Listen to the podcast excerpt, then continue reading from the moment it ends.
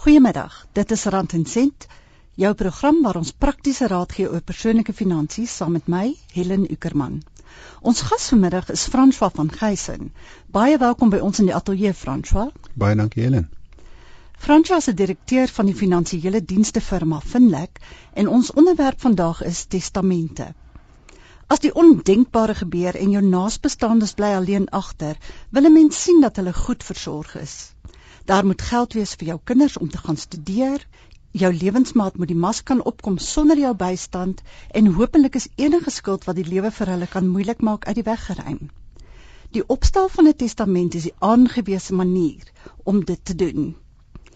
François, wat presies is 'n testament?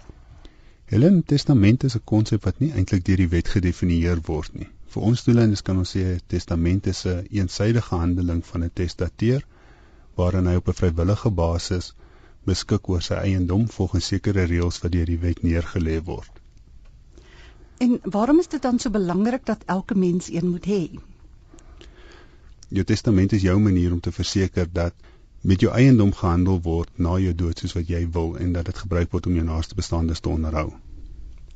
So met ander woorde, dit dien as 'n riglyn vir jou wense na jou dood ek dink 'n riglyn is nie heeltemal sterk genoeg nie. Dit is eerder 'n 'n voorskrif. Moet jy vra nie vra nie, jy rig nie versoeke nie. Jy skryf voor wat met jou bates moet gebeur. As 'n testateur het jy testeervryheid en kan jy binne sekere perke voorskryf presies wat moet gebeur met jou bates. Fransja mens hoor dikwels mense sê ek het geen bates nie en daarom het ek nie 'n testament nodig nie. Wat is fout met hierdie sienswyse?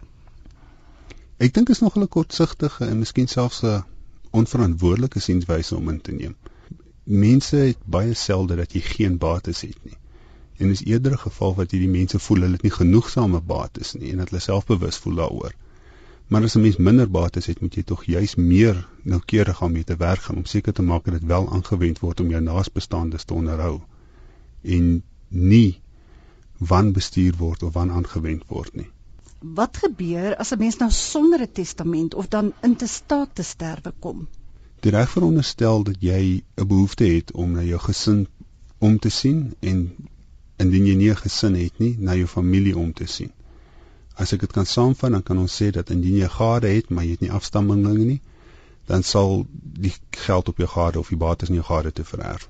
Indien jy afstammelinge het, maar nie meer 'n gade nie, sal dit op jou afstammelinge vererf.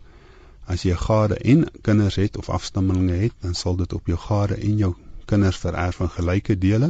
Behalwe as jou boedel te klein is, dan kry jou vrou eers 125 000 rand erfenis en daarna sal die kinders in gelykop deel in die beskikbare oorblywende geld. 'n Mens moet net onthou hierso dat kinders wat jou vooroorlede is, se kinders, jou kleinkinders sal in hulle plek intree en hulle sal dan gelykop deel in hulle pa of ma se erfporsie. Is dit nadelig om in te staat te sterf?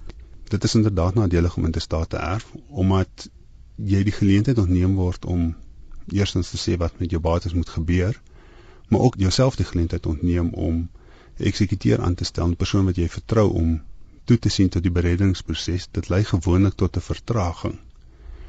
En jy's seker ander probleme wat na vore tree, soos byvoorbeeld voogte vir kinders of wat moet gebeur met minderjarige kinders se erfporsies wat jy nie kan aanspreek nie en wat dan deur die reg hanteer word op 'n manier wat nie noodwendig so voordelig is soos wat dit sou kon gewees het nie.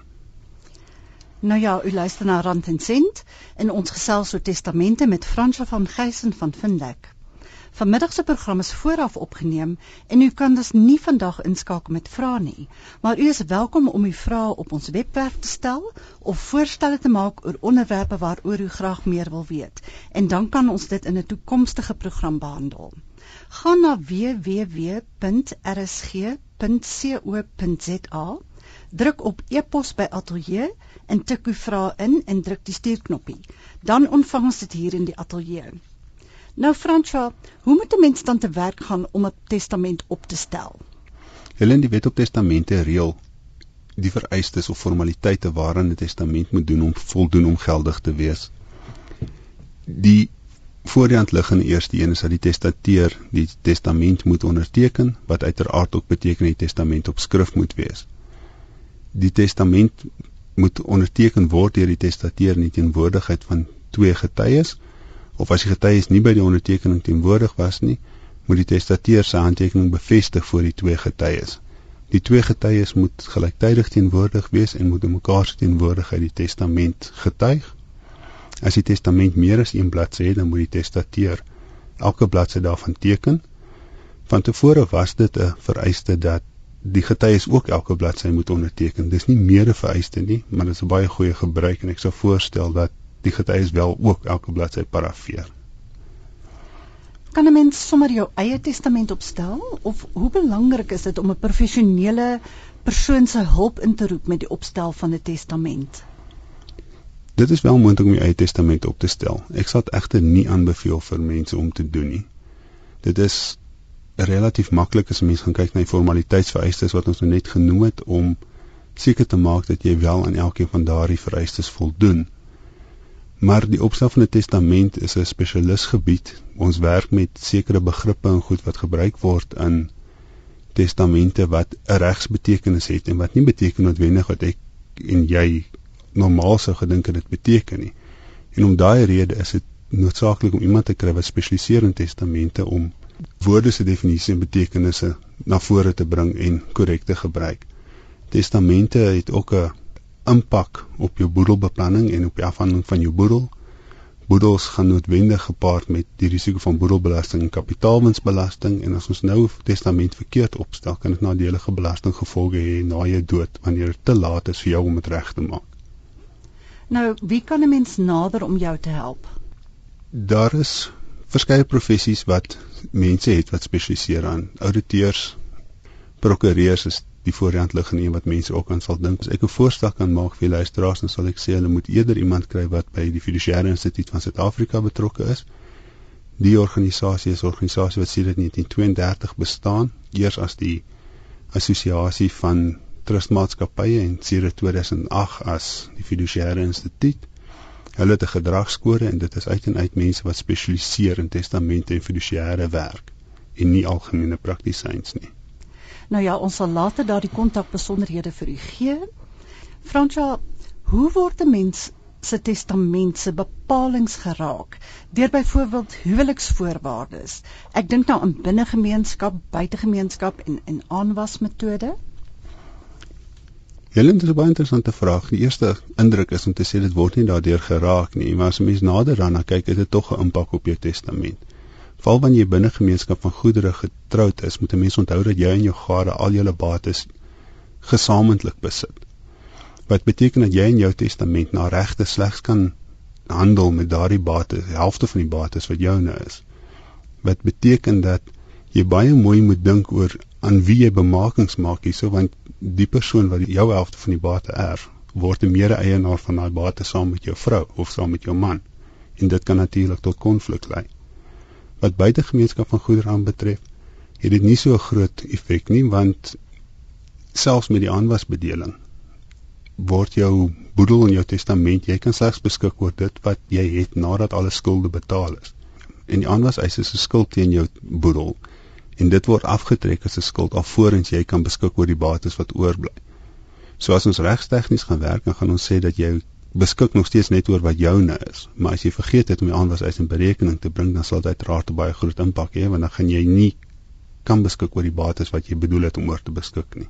Hoe voorkom 'n mens dat mense sulke misstappe begaan? Ek dink 'n deeglike boedelbeplanningsoefening met 'n persoon wat spesialiseer in boedelbeplannings is die moeite werd om deur te gaan.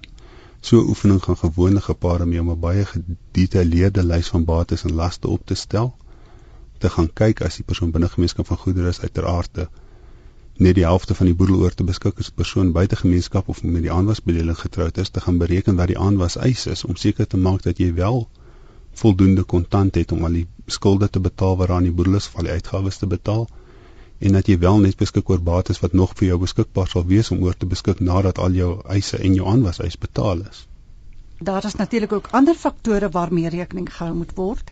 Ehm um, soos pensioenfonde, voorsorgfonde, versekeringspolisse, is daar spesifieke dinge waarop mens moet let in daardie verband. Helen ja, pensioenfonde, voorsorgfonde, ek gaan sommer saamwerk as pensioenfonde. is 'n baie belangrike ding om op te let. Mense is nie altyd bewus daarvan dat jou geld wat 'n pensioenfonds is, ingevolge artikel 37C van die pensioenfondswet, kan die trustees besluit wat met daai geld gebeur en hoe dit aangewend moet word en nie jy nie. So die trustees maak by jou afsterwe besluit dan kyk hulle om wie van jou afhanklik is en hulle gebruik die geld om vir jou afhanklikes te versorg. As jy nie persone het wat finansiëel van jou afhanklik was nie, dan sal hulle dit gebruik om jou familie te onderhou, waarskynlik volgens die wense wat jy vir hulle uitgewys het. Maar mense maak 'n fout deur in hulle testamente probeer bepaal wat met hulle pensioenfonds moet gebeur. Dit word ten beste net as 'n aanduiding gebruik deur die trustees en nie as 'n voorskrif nie wat lewensversekering betref, kan ons een van twee paadjies gaan met lewensversekering. Lewensversekering kan of aan jou boedel uitbetaal in watter geval dit volgens die testament hanteer sal word, of die alternatief is dat jy met die versekeraar 'n kontrak aangegaan het en 'n begunstigde aangewys het. Indien jy in jou versekeringskontrak met die versekeraar 'n begunstigde aangewys het, dan is jy nie in staat om in jou testament te bepaal wat met die polis moet gebeur nie en gaan die kontraktuele ooreenkomste tussen jou en die versekeraar afgedwing word. Dus as jy 'n begunstigde aangewys het en jy wil nou dit verander, moet jy met die versekeraar vooraf ooreenkom en kan jy nie in jou testament doen nie. Watter sake sou jy sê moet nog in die testament aangeroer word? Helens mens minderjarige kinders het, sal ek ten sterkste aanbeveel dat hulle voorsiening maak vir voogte vir die minderjarige kinders. Jy wil weet wie jou kind gaan oppas na jou dood, jy wil graag die regte persoon in plek hê om die finansies te hanteer. Erfporsies vir kinders. As 'n mens nie voorsiening maak in 'n testament om dit aan 'n testamentêre trust laat uitbetaal nie, word ook in die meeste se voogdyfonds oorbetaal. Die voogdyfonds is of die meeste se voogdyfonds is waar geld inbetaal word vir daardie persone wat nog nie in staat is om hulle erfenis te ontvang nie. Het sy of dit minderjarige kinders is en of dit geestesgestoorde persone is, en of dit persone is wat nog nie na vore gekom het nie wat hulle nie weet wie of wat dit moet erf nie. Die probleem hiermee is dit word 'n bankrekening betaal en dan word rente daarop betaal wat uiteraard nie naaste by die opbrengs kan lewer wat dit wel deurdagte beleggingsportefeulje sou kon gee nie. So dis in die kind se nadeel wat beleggingsopbrengs aanbetref.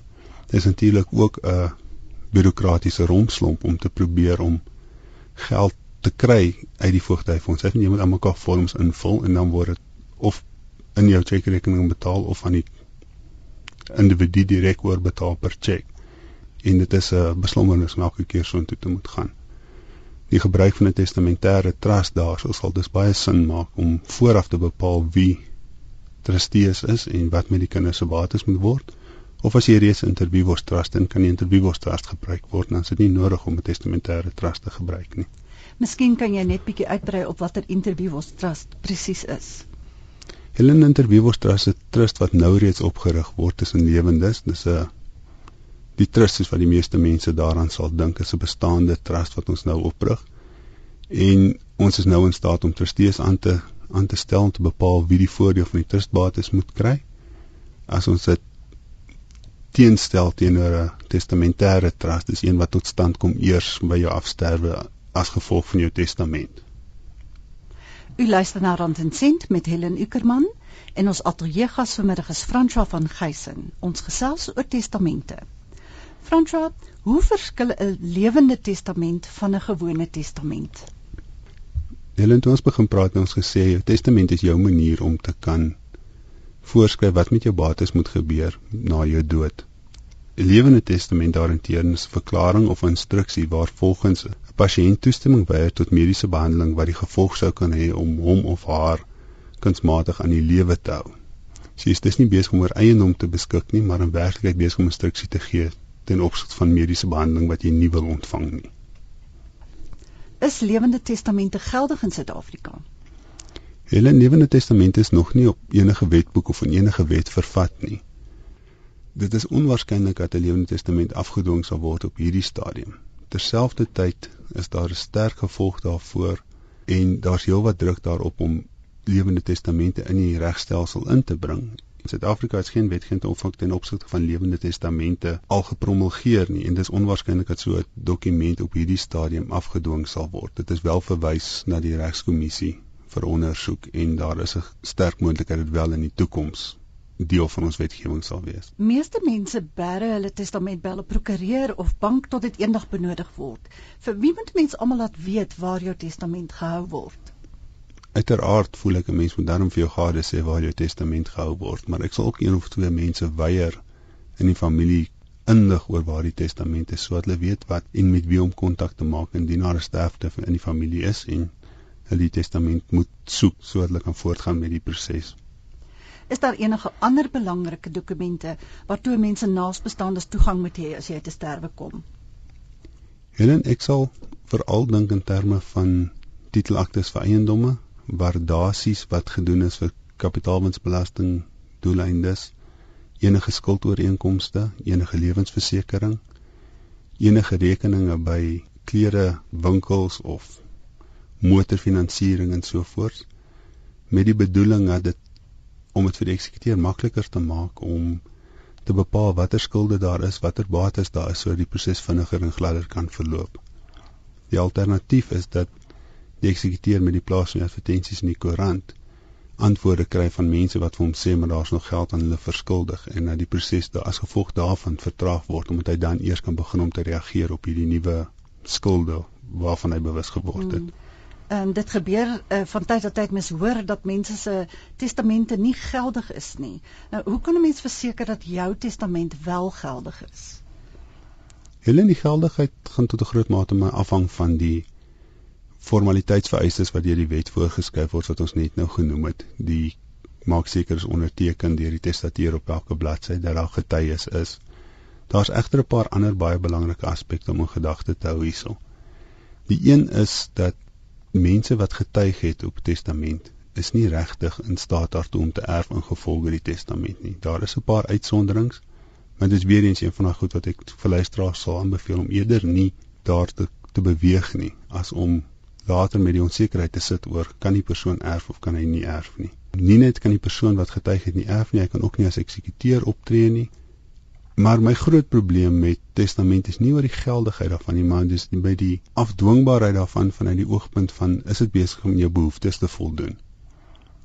Dit is relatief maklik vir ons om 'n testament op te stel wat aan al die formaliteitsvereistes voldoen. Dit is baie moeiliker om 'n testament op te stel wat in die kliënt se beplanning pas wat nie onverwagte negatiewe belastingimplikasies het nie.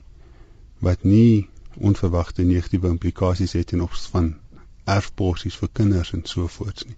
En om daai rede sal ek luisteraars ten sterkste aanbeveel om altyd met 'n professionele persoon te werk. Ja, dat mens altyd daardie kundige persoon inkry om seker te maak dat jy nie foute maak nie. Inderdaad. Fransja mens kan seker nie net jou testament opstel en daarvan vergeet nie. Hoe gereeld moet 'n mens jou testament hersien? Hulle algemene reël sê ek my kliënte ons moet een keer 'n jaar kyk na hulle testamente. Maar as een keer 'n jaar te veel is vir jou, dan sou ek minstens sê elke keer wat daar iets groots gebeur in jou lewe, moet ons net oorweeg of die testament nog besig is om te voldoen aan jou behoeftes. 'n Voorbeeld wat ons hier kan noem is dat wanneer jy sou indien jy sou skei, dan sit jy in die posisie dat die wet bepaal dat indien jy te sterwe kom binne 3 maande nadat jy geskei het, dan sal bemaking wat jy aan jou gade gemaak het, nie na haar toe of aan jou eksgade gemaak het nie na haar toe gaan nie omdat die wet ag dat jy nie meer vir haar sou wou bevoordeel nie. Maar as jy langer as 3 maande gewag het om jou testament te verander na egskeiding en jy het 'n bemaak aan jou gade gemaak, dan sal jou eksgade wel nog kan erf in gevolge daai testament. Wat waarskynlik nie is wat jy bedoel nie, maar 'n mens is nie geneig daartoe om te onthou om jou testament te verander wanneer jy sopas deur regskeidingsgeding gekom het nie. Ja, dit is belangrike ding om in ag te neem. Fransja, 'n laaste vraag. Waar kan mense meer uitvind oor testamente en hoe om dit op te stel? Helen, ek sal voorstel dat luisteraars gaan kyk na die fiduciêre instituut se se webwerf. Dit is www.fidsa.org.za of hulle kan ook kyk op die departement justisie se webwerf. Die adres daarso is www.in fo.gov.za. Nou ja, kom ons herhaal net weer waar jy meer oor testamente kan leer by die Fiduciëre Instituut van Suid-Afrika www.fidsa.org.za www.rsg.co.za of op die webwerf van die Departement van Justisie www.info.gov.za Nou ja, dit is ongelukkig alwaarvoor ons tyd het. Ons gaan met groet. Hierdie program is natuurlik ook as 'n potgooi beskikbaar op RSG se webblad www.rsg.co.za. Gaan net na die webblad, klik op potgooi en tik die naam van die program in. Rand en se vorige programme kan so in MP3 formaat afgelaai word of jy kan aanlyn luister as jy dit verkies. Rand en Sent is terug op Sondag 10 Junie wanneer ons gesels met die bekende ekonom Dawie Rood oor hoe 'n mens 'n lewenslange geldplan kan opstel en bestuur. Ons gas vanmiddag was Fransja van Geysen van Vindek. Fransja, baie dankie dat jy vanmiddag saam met ons gekuier het. Dit is 'n groot plesier, baie dankie.